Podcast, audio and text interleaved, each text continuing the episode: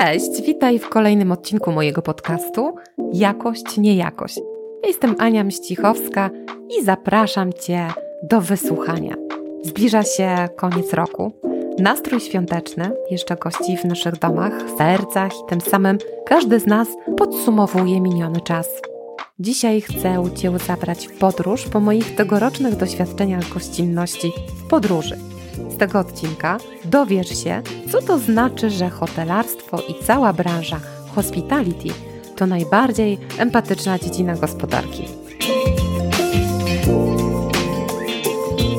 Żeby może rozpocząć ten odcinek, muszę dodać, że podróżuję od dawna, ale to co najważniejsze, wsłuchuję się w słowa i odczucia moich klientów, których oczywiście wysyłam już od ponad 20 lat w różne zakątki świata.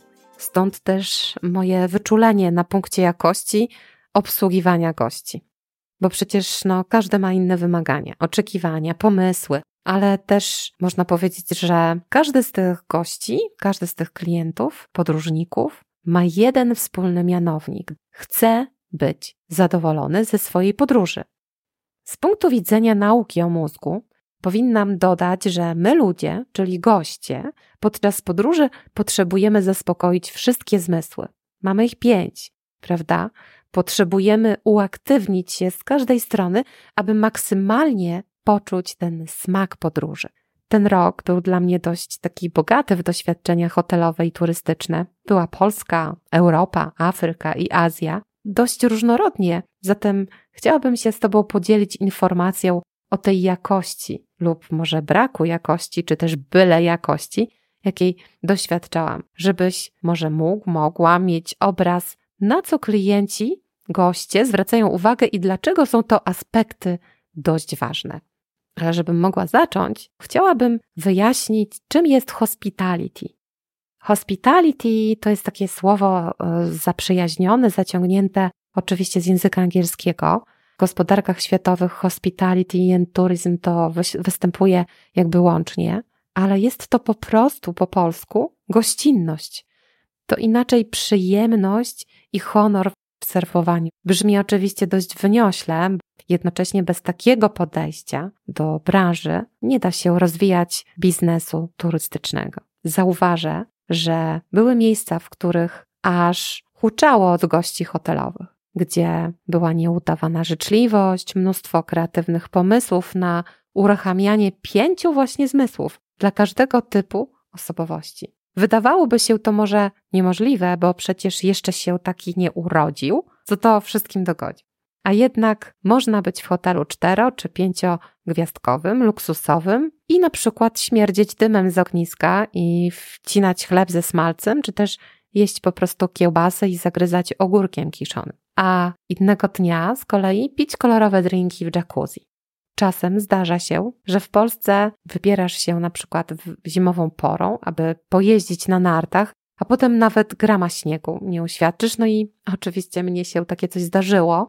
Hotele tak naprawdę powinny dysponować informacją dość dokładną na temat zaaranżowania wolnego czasu i podania takiej informacji na temat atrakcji w pobliżu, właśnie w sytuacjach, kiedy no na przykład pogoda nie dopisuje i ten cel podróży całkowicie się zmienia. Dużo to nie kosztuje, a mogłoby oszczędzić gościom grzebania w internetach, błądzenia w tonach informacji, które oczywiście znajdują się w tym internecie. Tak na marginesie, to sądzę, że turystyka to jedyna branża, w której rozwój nowoczesnych technologii pozwala na rozwój takiego, wiesz, rynku zatrudnienia dla wielu ludzi, i to jest, myślę, że jedyna branża, gdzie sztuczna inteligencja, tudzież rozwój tej technologii nie zastąpi ludzi. Oczywiście zastąpi pewne funkcje, ale samych ludzi w tej turystyce nie zastąpi, ale o tym opowiem Ci w innym odcinku. No ale teraz, czy można rozwijać biznes hotelowy, hotelowo-noclegowy na Mazurach? I to zimą. Oczywiście latem, jak najbardziej odpowiesz pewnie, ale zimą no to nie jest już takie proste, ale ja Ci powiem oj tak. Otóż doświadczyłam, dlatego o tym mówię. Piękna agroturystyka. Może, wiesz, z noclegami mieć gorzej, ale wszelkie sauny, wiesz, banie, weekendowe wypady na przykład mogą wesprzeć taki trudniejszy sezon i stają się moim zdaniem coraz modniejsze. I widzisz, u nas na Mazurach bardzo mocno morsowanie stało się taką modą i myślę, że tysiące ludzi już morsuje. Wszyscy wiedzą, że jest prozdrowotne, zatem ta turystyka zimowa będzie się rozwijać również w takich miejscach, bo kąpiel w jeziorze czy rzece, wypicie przerębla to, to nie jest nic, nic takiego wielkiego, a właśnie wszelkie atrakcje jak najbardziej są wskazane. Zatem kreatywnie, warto pogłówkować, warto się zastanowić, warto zrobić taką burzę mózgu i sprawdzić, co się najlepiej sprzeda i co można tym naszym gościom zaproponować. Nie ma też nic lepszego, jak doskonałe doznania kulinarne tradycyjnej kuchni, takie wiesz, serwowanej przez właściciela, który jest zafiksowany na punkcie słowa, może nie słowa, na punkcie powiedzenia gość dom, Bóg w dom. I tu widzisz, liczy się co? Serce na talerzu tego właśnie gospodarza. Cudowne kulinarne doświadczenia oddziałujące na nasze zmysły. Bardzo, bardzo polecam iść w takie klimaty. Teraz kolejny mój taki typowy pobyt na plaży w All Inclusive, w takiej, wiesz, pogoni za słońcem, za lenistwem, za byczeniem się, bo takie momenty też nam są w życiu potrzebne.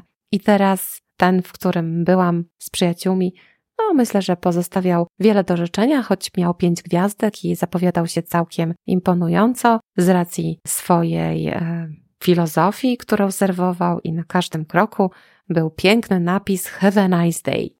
No i mieliśmy ten miły dzień, aczkolwiek e, no kilka takich rzeczy, o których chciałabym powiedzieć, to między innymi fakt, że często Motywem przewodnim przy takich wyjazdach z dziećmi, które się planuje, jest hasło zjeżdżalnia aquapark. No właściwie po to, żeby właśnie dzieciaki się nie nudziły, nie miałczały i rodzice mogli sobie spokojnie odpocząć, poleżeć i skorzystać z tych kąpieli morskich i słonecznych. Warto zapytać się swoje pociechy, ile razy podczas tego pobytu zechcą skorzystać z tej zjeżdżalni. Trzeba wiedzieć, czy te zjeżdżalnie są w miarę nowe, czy też stare i może jeszcze wcale nie odremontowane. I zachęcam do sprawdzania tego, bo nie ma nic gorszego jak porwane majtki, porwany strój, tudzież podrapane i poranione ciało od zardzewiałych śrubek, a potem z kolei kąpiel w morzu, no i wtedy mocno piecze. Także trzeba na to mocno zwrócić uwagę i zachęcam, żeby to nie był taki główny cel, bo jest dużo fajnych zajęć, można fajnie spędzać czas w hotelach, wcale nie trzeba mieć tych zjeżdżalni. No ale miałam mówić o gościnności. Otóż często obsługa dostaje reprymendę od swojego menadżera i to właśnie zauważyłam, że powinna być nienachalna i nienarzucająca się. Jednocześnie takie miłe słowo, na przykład dzień dobry, miłego dnia, czy po prostu nienachalny uśmiech personalizuje twarz tej osoby. I co się dzieje? zapisuje w Twoim mózgu pewien kod, czyli ten uśmiech, to miłe słowo, ta życzliwość zapisuje kod, który nazywa się jestem bezpieczny, czuję się bezpiecznie, jestem zaopiekowana, jestem zaopiekowany, jest mi dobrze. I to jest taka funkcja, która jest całkowicie podświadoma, a z kolei druga sytuacja, gdy po drugiej stronie jest kamienna twarz obsługi. Co to oznacza? Oznacza to ni mniej, ni więcej, jak jesteś kolejnym niewidzialnym gościem. I widzisz, gdy w ciągu dnia goście są niezauważeni, a potem z kolei wieczorem, kiedy są organizowane różnego rodzaju atrakcje wieczorne, animacje, występy i nikt nie korzysta z tych atrakcji wieczornych, no to należałoby sobie zadać pytanie czemu? Nie było kiedy się zaprzyjaźnić, bo brakowało tej empatii, czyli tego odbijania uśmiechu, to z jednej strony takie proste, a z drugiej ciężkie do realizacji, bo jeżeli uśmiecha się kelner, kelner, obsługa, recepcja, nie wiem, idzie kość, który strzyże trawę i też się uśmiecha, to ty czujesz się dobrze, ale jeżeli ta osoba przechodzi po prostu jak duch, nie widzisz jej, nie wiesz w ogóle, kto to jest, nie zapamiętujesz tej twarzy, no to cały czas jesteś tym obcym w tym miejscu, prawda? Teraz dla porównania powinnam przytoczyć przykład zupełnie skromnego, małego, rodzinnego hoteliku w Grecji, w którym spędziłam też e, tydzień swojego urlopu.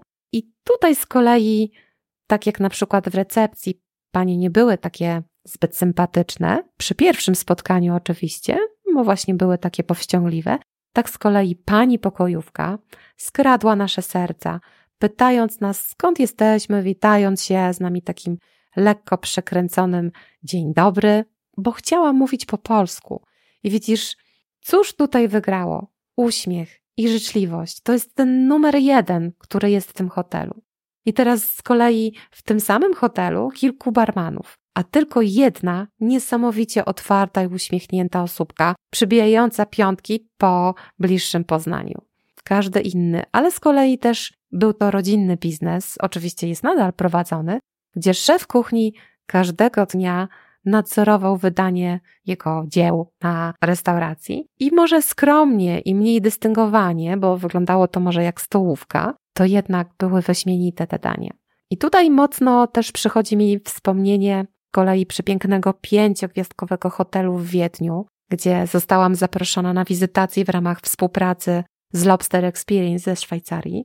W tym hotelu, pomimo doskonałego kunsztu i takiej, wiesz, elegancji, jako gość nie byłam całkowicie zobligowana do takiego casualowego stroju. I pomimo tego, że byłam ubrana tak, że tak powiem, całkiem okej, okay, to widziałam ludzi całkowicie na luzie, w jeansach, w t-shirtach, bo widzisz, taka otwarta powierzchnia recepcji pozwoliła na poczucie się jak w domu. Czyli znowu tutaj kolejny raz kłania się poczucie bezpieczeństwa. Często w hotelach, pomyślcie sobie, co czujecie, jakie są związane emocje z tym całym, e, całym wypoczywaniem waszym, całą tą podróżą. Czy nie jest tak, że właśnie to poczucie bezpieczeństwa to jest to numer jeden? Oddziaływanie na zmysły, teraz poprzez właśnie taki niesamowity design, zapach mydła na przykład w łazienkach, dość taki specyficzny, czy też cudna historia w połączeniu z filozofią tego designu, który widzisz na ścianach, różnymi elementami, które widzisz w tym hotelu. Zachęcam do odwiedzenia mojej strony, na której znajduje się relacja z tego pobytu, z tego hotelu i też opisana dokładnie filozofia tego hotelu. Link znajdziesz w opisie tego podcastu. Piękne doświadczenie, którego doznają goście, ma na celu zabranie do swoich wspomnień, bo widzisz, po to kreujesz te doświadczenia, po to tego wszystkiego doświadczasz, i myślę, że hotele, które mają taką przemyślaną filozofię, robią to e, zasadnie i planują właśnie taki efekt końcowy, bo jeżeli ty zapisujesz w swojej głowie, w swoim mózgu odpowiednie doświadczenia, to one potem wpływają na twoje wspomnienia.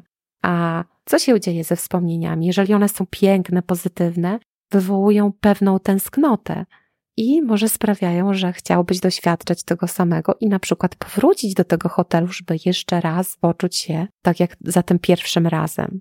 To jest ta tęsknota za prawdziwą, piękną gościnnością. Tutaj już muszę brnąć do brzegu. Chcę Ci powiedzieć, że swoje wojaże zakończyłam taką nietypową formą podróży. Rejs statkiem, rejs cruzem i gościnność, której zeznałam na statku, powaliła mnie z nóg. To był mój już enty race i tak, że tak powiem, przez wiele lat podróżowałam w różny sposób, bo uwielbiam taką różnorodność. To daje mi dosyć duże poczucie takiej kreatywności. Zawsze mi się oczywiście rejsy podobały i tym razem bardzo mocno zwracam uwagę na takie detale, bo to jest bardzo ważne, żeby właśnie też czerpać te inspiracje i Wam przekazywać te informacje. Były na początku pewne oczywiście niuanse, jak zawsze, które sprawiły, że no nie czułam się komfortowo. To też brak takich pierwszych informacji, zagubienie. Ale zobaczcie, jak to wszystko jest fajnie przemyślane, bo pierwszy dzień to był dzień na morzu. Dlaczego? Właśnie po to, żeby każdy gość tego statku mógł się po prostu zapoznać, zaprzyjaźnić z całą infrastrukturą, sobie obejść ten statek, zobaczyć, pozaglądać w każde miejsce, zobaczyć obsługę, pójść do jednej restauracji, do baru, wypić drinka, zobaczyć, jak to wszystko funkcjonuje i nauczyć się tego. Cała obsługa oczywiście była bardzo pomocna, życzliwa, uśmiechnięta, zabawna, taka nienachalna, dobrana osobowością do stanowiska i to na mnie robiło ogromne wrażenie.